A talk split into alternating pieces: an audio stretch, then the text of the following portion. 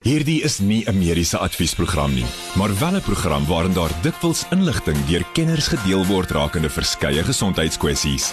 Vir persoonlike raad of advies, raadpleeg jou mediese dokter of sielkundige. Groot trauma met Pieter Kloete en dokter Jaco van die Kerk op Groot FM 90.5.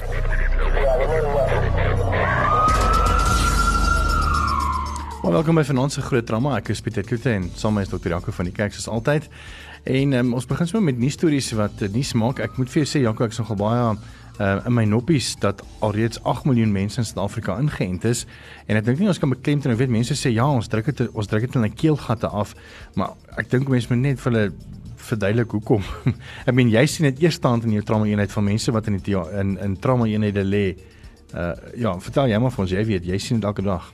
Ja, Pieter, goeienaand, goeienaand en almal wat luister ook.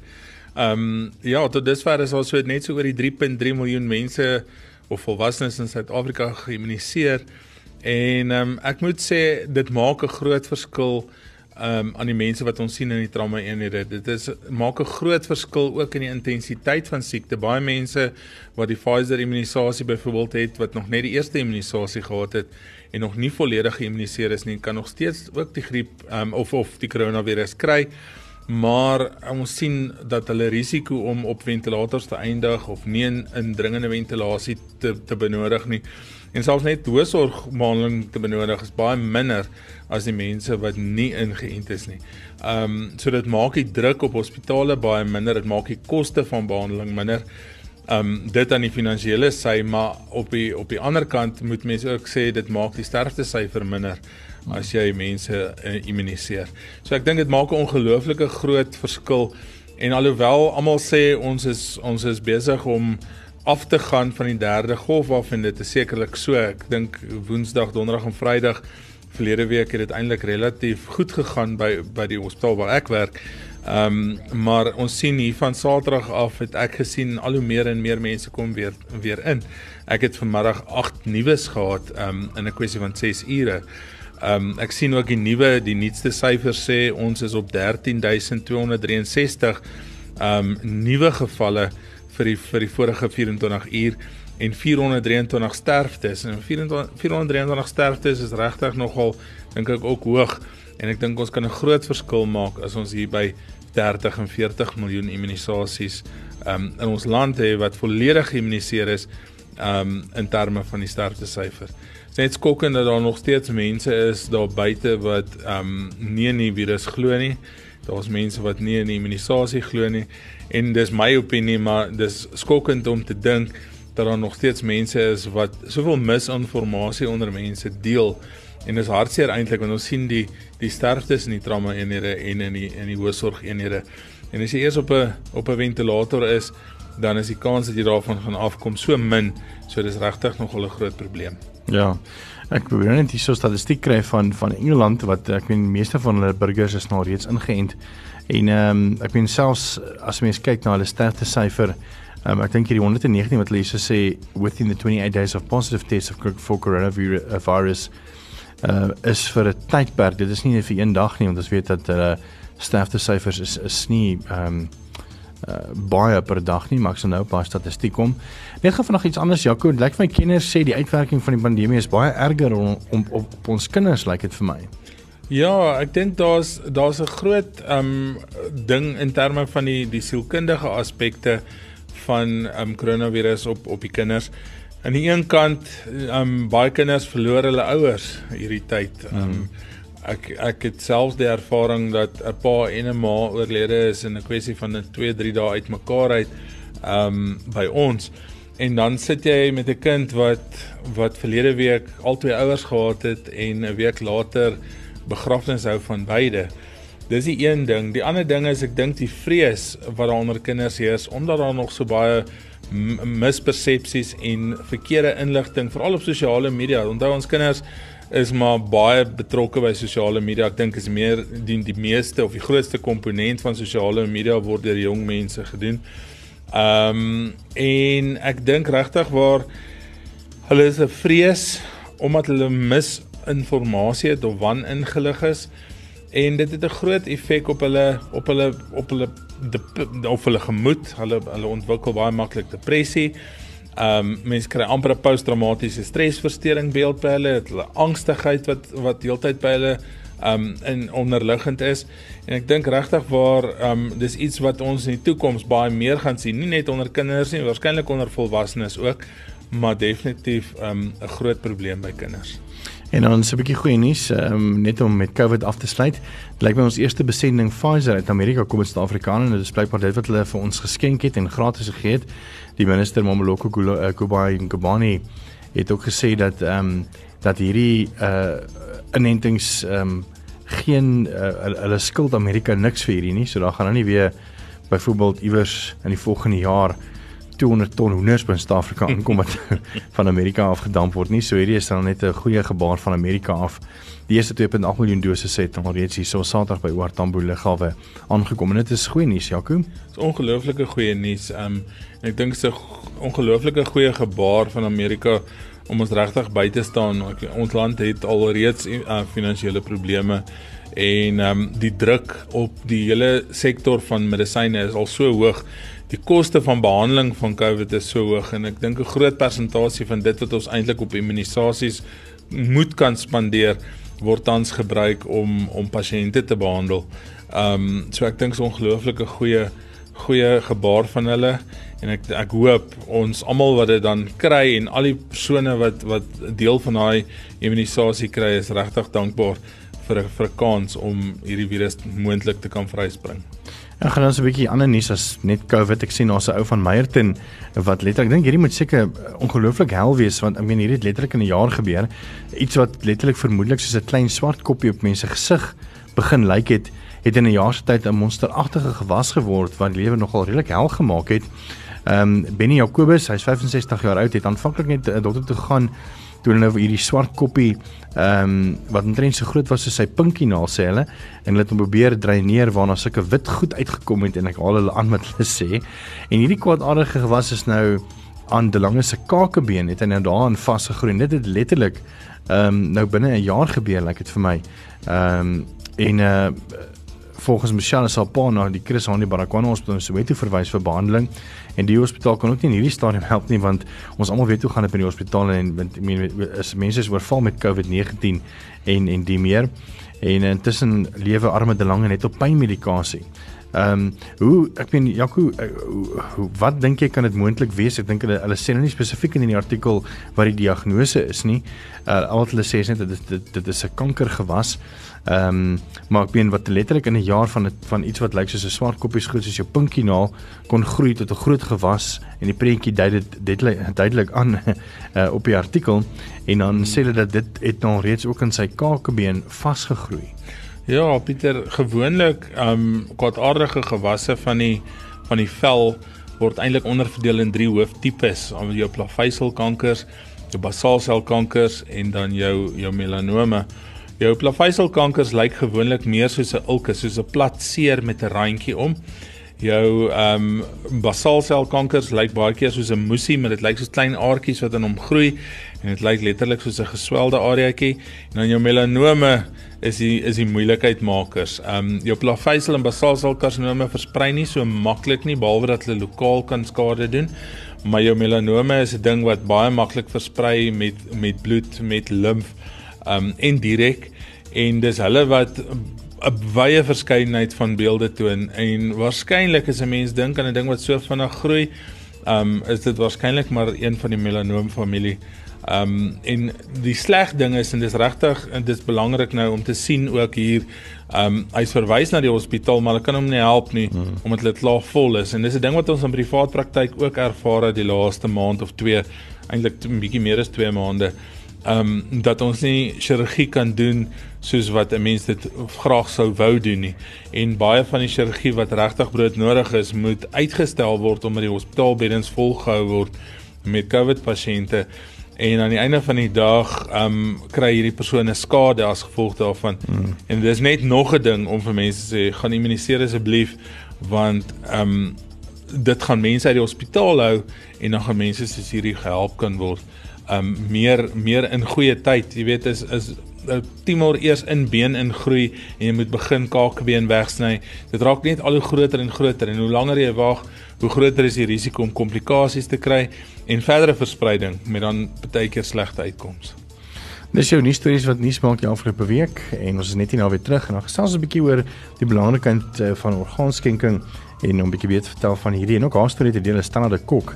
Sy is die bestuurende direkteur van Tel en sy gaan 'n bietjie meer vertel van hierdie organisasie doen se belang geskakel daarvoor net hierna. Groot trauma met Pieter Kloete en dokter Jaco van die Kerk op Groot FM 90.5.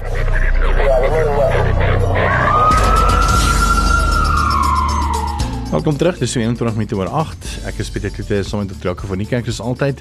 En ons gas vanaand is Stella de Kok en sy is van Tel. Sy gaan 'n bietjie later vir ons vertel, meer vertel van Tel. Ehm um, so bly geskakel daarvoor. Maar eers 'n bietjie jou persoonlike storie voordat ons dan begin oor jou organisasie en wat jy doen en hoekom orgaanskenking vir jou belangrik is. Stel baie welkom eerstens en hoekom het jy op orgaanskenking uh, gefokus. Ek meen uh, jy doen dit nou letterlik voltyds. Ja, baie baie dankie vir die geleentheid. Ehm um, so ek is in 2011 skielik uh, gediagnoseer met eindstadium nierversaking en um, ek het geen simptome voor die tyd gehad nie. So dit was nogal redelik 'n baie groot skok geweest en ek moes toe dadelik begin met dialyse. En um, soos wat die tyd aangegaan het, het ek, jy weet, tyd op my hande gehad en ek het toe uh jy weet van taal gehoor en ek het toe besluit wel ek het ondervinding en ek het jy weet tyd op my hande om 'n bydrae te maak jy weet en ook om mense meer bewus te maak ehm um, jy weet van orgaan en en weefselskenking en die voordele wat wat daarmee saamgaan. So wanneer jy sê jy het, jy, jy was gediagnoseer met nierversaking Is dit op, op al twee niere of net op een? Dit is al twee niere. Hulle was soos en ek het 8% nierfunksie gehad. Gewoonlik sit hulle op dialyse jy so 15% nierfunksie het. So ek was baie laat gediagnoseer, maar ook uh, baie mense, hulle sê soos 90% van mense uh word eers so laat gediagnoseer omdat jy nie simptome het nie en is eers as hulle amper heeltemal nie glad nie meer werk nie dan ja. dan kom dit uit. Ja, ek het net twee vrae vir jou. Eerstens, um, ek weet ons het al vroeër gepraat in die program oor dat as een nier nie werk nie en die ander is nog reg, dan kan jy op een nier uh oorleef. Net so 'n bietjie vinnig oor dit en dan ook oor ehm um, hoekom word nierversaking baie keer baie laat gediagnoseer? Pieter, ek dink ehm um, baie keer word nierversaking eers gediagnoseer as mens die komplikasies daarvan kry. Ehm um, ek sien as 'n goeie voorbeeld van die pandemie waarin ons is, baie keer is jy die persoon se nierfunksie gaan doen voor die tyd normale nierfunksie gehad en uh, nou sit hulle met die virus en ewe skielik as jy hulle nierfunksie doen dan is dit dan is dit heeltemal daarmee heen. Ehm um, so almal het nie telltale signs kan ek amper sê van nierversaking dadelik nie. Ehm um, as jy wag tot iemand of iremies raak, dan ehm um, dan is dit baie laat al aan die einde van die dag. Ehm um, die nier is 'n relatief vergewingssinde orgaan in die sin dat 'n mens kan met een nier oor die weg kom en dis hoekom nier oorplanting so werk ook. Um, en hoekom jy vir twee mense 'n nier kan gee as jy orgaanskenker is. Um, omdat 'n nier eintlik 'n goeie 'n goeie funksie of 'n goed funksionerende nier regtig 'n goeie um, effek kan hê en, en en sy werk kan doen. Dis al wat jy nodig het. Ehm um, maar dis 'n baie moeilike diagnose baie keer in die begin en dis nie 'n ding wat 'n mens ehm um, jy weet altyd verwag veral in jong mense nie. Ek meen as mens dink dit sê was 35 toe dit ja. gedoen is.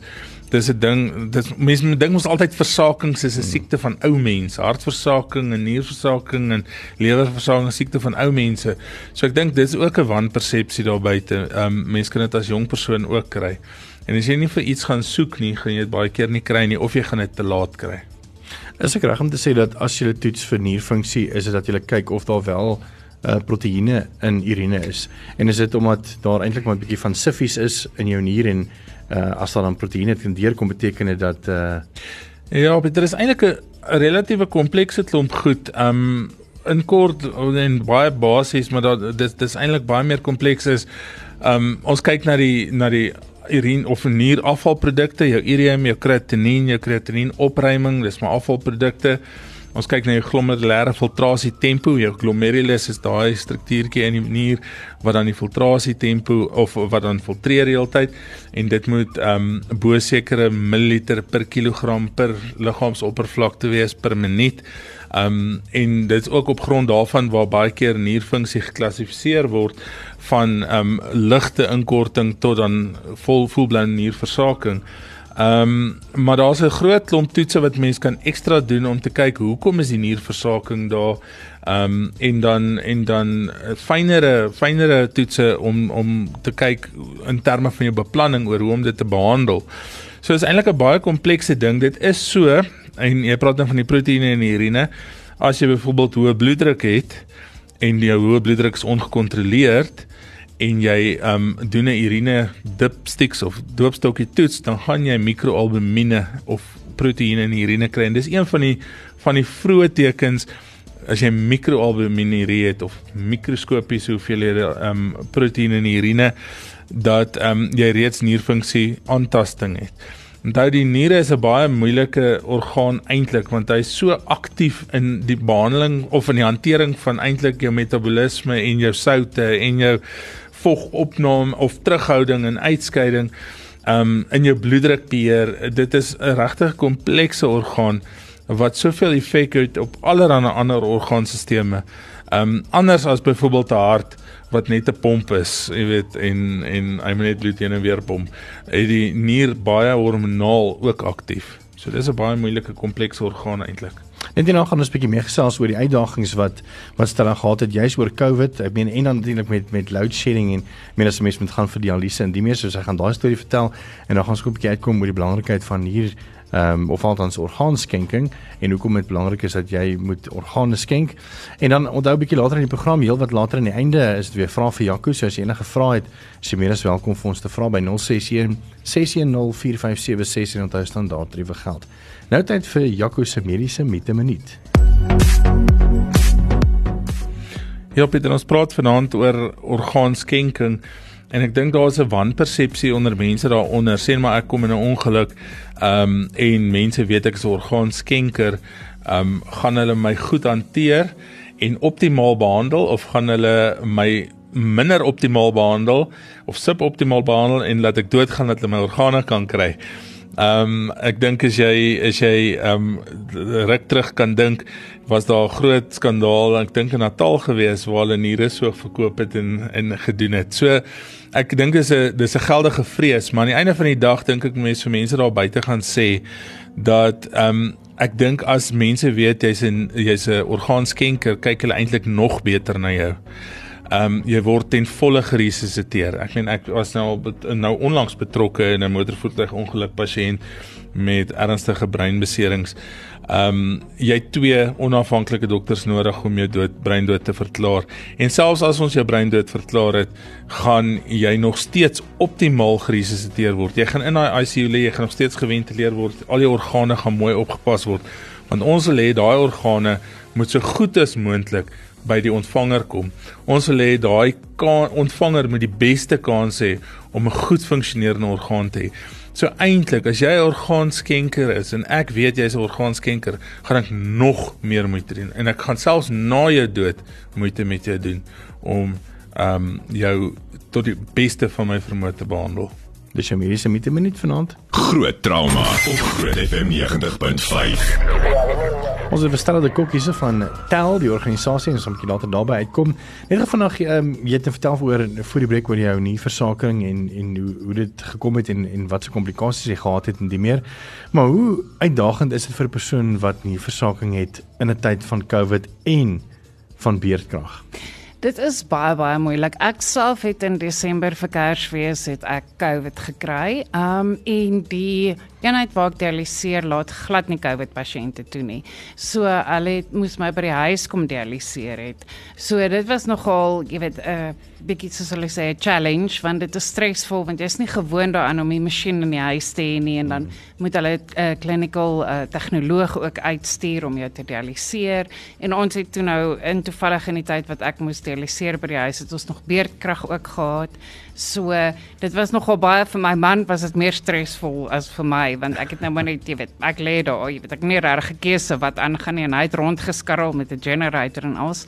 So ons het dit daarom jy weet reg gekry en en ja ek moes vir 2 weke lank um, by die huis dialiseer en toe die COVID nou verby is te kry, COVID pneumonia en toe was ek nou nog, jy weet, by die huis bly en medikasie kry en so. En dan is dit nou ook maar daai vrees want kyk jy jou immuunstelsel is nie soos 'n gesonde mens in nie. Jy het maar, jy weet jy het 'n kroniese siekte, so jy is meer vatbaar vir enige opportunistiese siekte wat verbykom en en soos COVID ook. En ehm um, dit is baie moeilik om jy weet want jy word ek moet nou 3 keer 'n week moet ek na die eenheid toe gaan en ek meen hulle is baie jy weet hulle protokols is baie goed en alles maar daar is maar nog steeds daai vrees hmm. van jy weet jy sit in 'n kamer so met agt ander mense daar is staf wat ook blootgestel word aan die pasiënte in die hospitaal en so so dit is dit is moeilik. Dit is maar altyd hier in die agterkant van jou, jy weet, gedagtes van gaan dit nou gebeur of nie. So maar ek is baie bly die inenting is nou daar vir immunisasie soos jy sê. So dit is daarom 'n bietjie dit help bietjie met gemoedsrus, maar jy kan nie jy kan let your guard down. En jy gegaan vir jou eerste jab. Ja, nee, ek het definitief ek het in die tou gestaan van 7:00 in die oggend af. Ek was baie paraat geweest en ek is baie bly ek het my eerste een gekry. Nou kon nie versaking pasiënte in COVID-19. Uh, hoe beïnvloed dit 'n mens se immuunstelsel? Ehm um, Pieter, dit is soos soos wat Stella sê, ehm um, 'n persoon met nierversaking is immuun onderdruk en hulle gaan enige infeksie wat verbykom, sê dit so 'n mooi woord gesê die opportunistiese infeksies, ehm um, so hulle gaan dit kry. Ehm um, en COVID uit die aard van die saak is een daarvan. Die sleg ding ons weet COVID in die begin is jou vir, virale komponent van siekte dan kry jy baie keer nou jou long longaantasting. Maar hier verby 5 na 7 dae kry jy wat wat die wat die eh, ehm um, intensiviste MODS noem. Hulle praat van multi-organ di disorder syndrome of eintlik maar multi-orgaan klink nie versaking noem nie, maar dis 'n uh, verstoring van funksie. En die niere en die lewer, dink ek is ek is ek regtig na die bloede kyk wat ons doen en wat ons elke dag sien in die pasiënte wat in ICU lê. Ehm um, die niere en die lewer kry regtig swaar tydens tydens die infeksie en tydens mense siekte proses. Ehm um, die medikasie wat ons gebruik, ehm um, maak 'n groot verskil in nierfunksie. Onthou, as 'n mens enigiets by jou mond insit, moet dit een van twee maniere uit. Dit moet of deur jou niere uit of dit moet deur jou lewer gaan. En nou sit jy met 'n siekte wat beide eintlik aantas en nou het mens daai onderliggende effek van nierversaking wat al klaar 'n uh, 'n uh, groot probleem is. Ehm um, so dis maar net een probleem wat op die ander probleem ehm uh, um, uh, uh, volg en dan ehm um, het mens baie keer baie maklik 'n slegte uitkoms met slegte komplikasies in pasiënte met nierversaking. Net om oor te gaan nou weer 'n bietjie na uh, orgaanskenking want dit is eintlik maar ons, ons hooftema vanaand. Hoe moeilik is dit om op 'n lys te kom van hier uh, oorplantings en hoe moeilik is dit om nier te kry? Mense hoor altyd weet in die nuus van weet ehm um, wat se ek wil of die Engelse woord gebruik lucrative besigheid is in in ehm um, ander lande wat wat minder ontwikkel is, weet soos beskyk na Indië nie meer ehm um, waar hulle letterlik weet in mensehandel en maniere verkoop. Ja, kyk, daar is gelukkig die die Istanbul um agreement wat hulle geteken het as al die lande um baie lande het dit daar toe geteken en hulle byvoorbeeld een van die goed wat hulle daarteen is is toerisme. Um jy weet wat jy vir toerisme gaan om 'n oorplanting te kry. Nou dit sal tipies wees iemand wat van 'n westerse of ryk land na 'n uh, meer onderontwikkelde land toe uh, vlieg en dan iemand betaal om jy weet sy nier of so te kry. Um dit is hulle basies baie baie teengekant want die ding is net jy weet nie wat se lewenskwaliteit daai mens gelei het nie so jy weet ook nie wat se nier of orgaan jy dan gaan kry nie. Oor die kwaliteit daarvan en dan sit nou ook die nasorg daarvan en die voorsorg um, om op 'n lys te kom is dis 'n baie lang proses kyk ek sê as jy 'n goeie medies wil hê nê dan gaan jy om op die lys gesit word. Hulle druk jy weet al die orifices word basies geondersoek en al jou organe word gekyk. So jy moet kyk dat jy gesond genoeg is om 'n oorplanting te oorleef, maar ook jy weet jy moet siek genoeg wees om op die lys te kom. So dit is maar 'n baie uh, balans wat jy moet moet uh, kry en dan ook die waglys is ongelukkig veral vir niere is dit baie lank. Die ander organe hoekom dit nie so lank is nie, die mense oorleef fisies nie. Ehm um, byvoorbeeld vir longe gee hulle as jy 'n jaar oor het, dan stel jy op die lys. Waar niere is, as jy gesond genoeg is, dan dan kom jy op die lys. So. Sure. Baie interessant.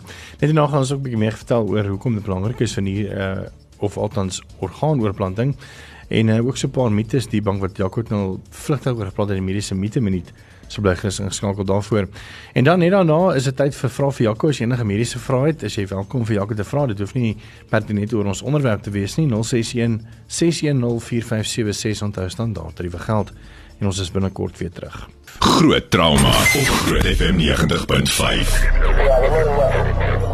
Ons sal verder met ehm um, Stella de Kok, sy is van die organisasie Tel en uh, sy natuurlik self het nie versaking en uh, deur dialyse nog steeds en nie meer is 'n bietjie haar storie gedeel, maar ons moet nou gesels oor die belangrikheid van nie van hier oor plantings nie, en maar oor orgaanskenking as 'n geheel. En ek dink Jaco het nogal dit mooi saamgevat in 'n mediese mite minuut. Ehm um, net nog 'n paar mites wat mense moet weet van orgaanskenking. Ehm um, as ek nou sê maar 'n kaartjie in my beursie het en ek kom 'n ongeluk en gaan doen dan weet die mense, jy weet dan jy kan gou vanaand uitsny en uh, en op ys sit, né, nee, Jaco? Ongelukkig Pieter, werk dit nie so nie. Ehm um, wat by ons die hospitaal waar ek is as jy byvoorbeeld inkom na 'n ongeluk en dit lyk vir ons of jy dit nie gemaak nie of jy gaan breindood wees selfs voor dit um, sal ons die die um, skakelbeamptes of skakelpersone um, van die oorplantings um, organisasie kontak en sê daar's 'n potensiële pasiënt wat dalk 'n skenker kan wees. Hulle gaan dan inkom um, en dan met die familie begin praat aan die einde van die dag is dit nog steeds die familie se besluit um of hulle jou wil hê en en of hulle gaan toestemming gee vir daai vir daai oorplanting. Dis net as beter um, van dat ek al klaar konsent gegee het en 'n kaartjie het en alles. Die groot ding is jy moet met jou familie praat voor daai punt en jy moet op met jou familie oor die inkomste sê dat hulle wel daai toestemming gaan gee. Dit is Ek dink dit is baie baie belangrik. Daar's soveel mense ehm um, wat sulke goeie skenkers kan wees en wat so groot verskil kan maak selfs jong mense en dis gewoonlik die persone wat 'n motorvoertuig ongelukke omkom ehm um, het goeie en gesonde organe. Dis gewoonlik baie keer jong mense maar daar's nooit gepraat oor hierdie goed nie. En ek dink mense, ek weet dit is seker nou nie 'n onderwerp waaroor mense elke dag aan die etenstafel wil praat nie, maar dit is tog 'n onderwerp wat ek dink regtig so belangrik is dat mense moet tyd maak in jou gesin en in jou familie om daaroor te praat voor die tyd en die besluit saam te neem en dit moet deurgevoer word as daai persoon se wens ehm um, as dit op daai punt kom. Ehm um, maar daar's so baie mense wat as jy vir hulle sê jy's nou op hierdie punt of die persone van die van die oorplantingsorganisasie kom sien hulle dat alles half geskok is. Hoe kan jy nou dit vir my vra? Ons het nog nooit daaroor gedink of gepraat of geïets nie. En dan is die antwoord gewoonlik nee. Ehm um, en as jy regtig waar nie ehm um, ingelig is nie, dan gaan jy waarskynlik antwoord ook nee wees. Want daar's so baie goed weer eens op sosiale media en en en uh, sovoorts wat soveel misinformasie gee oor orgaanskenking en orgaanoorplanting ehm um, wat ek dink is amper soos die anti-vaksin beweging wat ehm um, regtig waar onnodig is en ek dink mense moet regtig goeie inligting kry en met mekaar praat daaroor.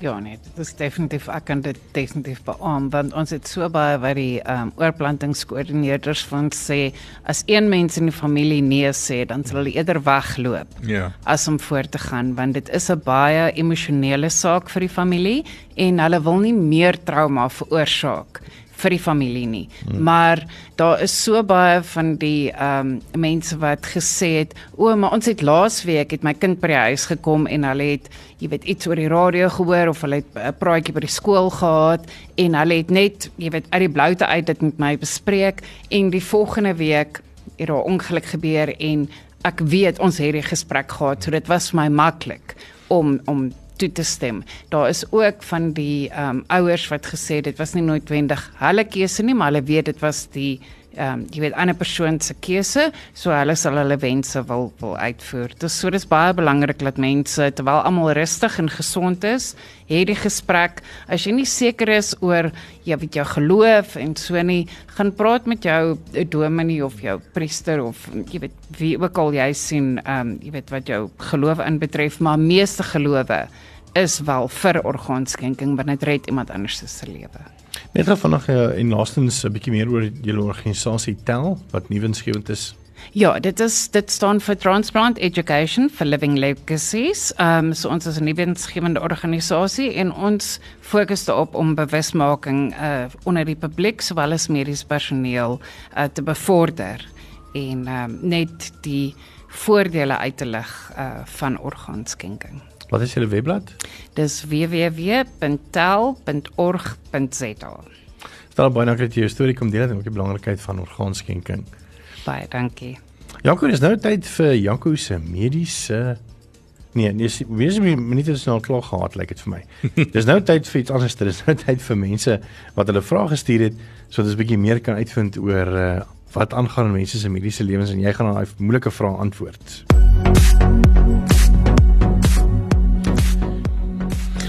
Ja, die eerste vraag is ehm um, Naan Pieter en Dr. Jaco, ek het vanaand 'n vraag. As jy hartoperasies gehad het, kan mens nog steeds organe skenk as jy wil? En die antwoord is ja, jy kan definitief. Onthou, ehm um, dit hang af. Mense het nie mense het nie nodig om 100% in elke liewe orgaanstelsel uh gesond te wees om 'n skenker te wees nie. Um mense kan so groot verskil maak in 'n groot klomp mense se lewens. Ek meen behalwe die die korneas wat jy kan skenk, die hart wat jy kan skenk, die longe wat jy kan skenk, lewer, pankreas, um daar selfs darm oorplantings.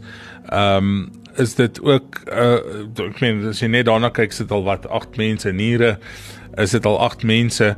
Um maar jy kan soveel ander mense nog ook aanraak, beenmerg, vel. Um jy weet ek dink mense moet ook daaraan dink as jy bloed skenk vir iemand is dit eintlik ook 'n weefsel skenking nê. So baie van ons is weefselskenkers ons moet net gewoond raak aan die idee en ek dink dis baie keer ook ehm um, waar mense nie gewoond is aan die idee nie. Mense het hierdie negatiewe konnotasie, hulle gaan my oes of iets. Ek haat daai woord. Ehm um, en mense is bang ons haal jou net uitmekaar uit. En die antwoord is ek dink daai daai hele wanpersepsie moet uit die weg geruim word. Jy word nog steeds teater toe gevat. Jy word nog steeds deur proper chirurge geopereer. Ehm um, daar gaan word baie mooi, baie versigtig uitgehaal. Ehm um, en jy word baie mooi toegemaak na die tyd.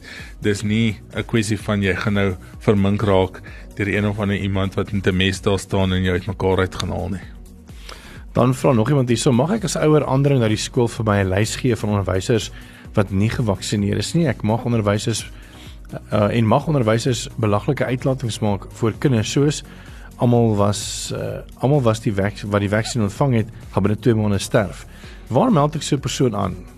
Ja, ehm um, sien so en die ehm um, ek dink nie mense kan aandring dat 'n mens 'n lys kry van wie nie gevaksinneer is nie. Ek sien in die op netwerk 24 is daar nou 'n artikel ook wat sê ehm um, daar's omtrent 40 mense aangekla by die menseregte kommissie waar die werkgewer hulle gedwing het om om ehm um, te immuniseer en ek het my eie opinie daaroor, maar ehm um, ek dink nie mense kan aandring daarop nie dit is wel belangrik dat as mense, veral mense in 'n in 'n gesagsposisie, soos 'n onderwyser wat kinders tot 'n groot mate beïnvloed, as hulle verkeerde verkeerde inligting of sosiale media gedrewe inligting vir die kinders gee, wat dan byvoorbeeld soos wat sy noem jy kan sterf na die immunisasie binne 2 maande of jy gaan. Ehm um, ek dink dit is dit is regtig moet gestraf word. Strafregtelik moet dit moet dit 'n straf ehm um, kan dra. Ehm um, ek dink die Suid-Afrikaanse Onderwysersunie is een van die of SAOE is een van die plekke waar jy uh, so 'n persoon kan gaan aan aangee of aanmeld en hulle sal dan uit die aard van sake ondersoek doen om te sien ehm um, of dit regtig meriete dra al dan nie maar as daar bewyse is van iemand wat sulke misinformasie in 'n hoedanigheid van eintlik 'n leier in die gemeenskap vir mense gee dan is dit regtig waar dink ek dit moet strafbaar wees en ek dink definitief so 'n persoon moet aanspreeklik gehou word vir die uitlatings wat hulle maak ek kan nie sit en sê ehm um, doen dit of dat nie. Dit bly almal se keuse. Ehm um, maar ek kan ook nie mense gaan indoktrineer met my eie gedagtes en sê dis wat gaan gebeur so julle moet asseblief nie dit doen nie. Ehm um, dit bly almal se keuse, wil hulle of wil hulle nie gevaksinereer word nie, maar jy kan nie daai tipe uitlatings aanvaar nie, definitief nie. Dink wat jy ook kan doen is 'n staatse webblad sacoronavirus.co.za wat eintlik maar die departement van gesondheid uh, op die been gebring is met allerlei inligting, nuus en nie meer. En op die webblad is daar ook 'n WhatsApp nommer wat jy dan ek dink hierdie klagte kan deurgee asook 'n hotline wat jy kan skakel. Dis sacoronavirus.co.za. Dan 'n tweede vraag hierso is ek het altyd bloed geskenk nadat ek 'n melanoomkanker gehad het, mag ek nou glad nie meer bloed skenk nie. Beteken dit dat ek nie 'n orgaanskenker kan wees nie? Sal ek beenmergskenking kan doen? Dankie julle. Dis 'n baie moeilike vraag. Ehm um, as jy baie van die artikels lees, dan sal hulle sê kanker is nie 'n uitsluiting vir meeste gevalle nie. Maar daar was artikel en ek het hom nou net raak gelees in die um Journal of American Dermatology van Augustus 2018 wat sê melanoom is net die enigste een wat so moeilik gekry word in soliede organe. So dis 'n baie baie moeilike tumor om uit te skakel as wat uh, as jy dit van tevore gehad het en jy wil nie graag vir 'n ander persoon 'n uh, melanoom gedrewe orgaan gee nie. Um omdat melanoom hematogeen, limfogeen en direkte verspreiding is, um is dit 'n baie moeilike ding. So die die die diagnose van melanoom is een van die min wat vir jou gaan uitsluit vir 'n soliede orgaan oorplantings. Dis dit vir vra vir Jaco vanaand en ook vir groot drama. Dankie. En weer eens ook vir ons gaste hulle kok van Tel wat vir ons kom in loretel.org.za. En dan sê ek af met 'n Telegram wat ek net gekry het van David Bredenkamp. Dankie David. uh in 'n ligter lyn. Hy sê 'n vriend van my het 'n kornea oorplanting gehad en toe ek hom bel om te hoor hoe gaan dit, vra ek ook of hy weet wie die skenker was en hy sê al wat hy weet is dat dit definitief 'n ouer dame was want elke keer as as hy in die stort is dan bly die oog afkyk. so beligter nou, dankie David. Ons is volgende week terug uh, tussen 8 en 9 op Woensdae vir groot trauma.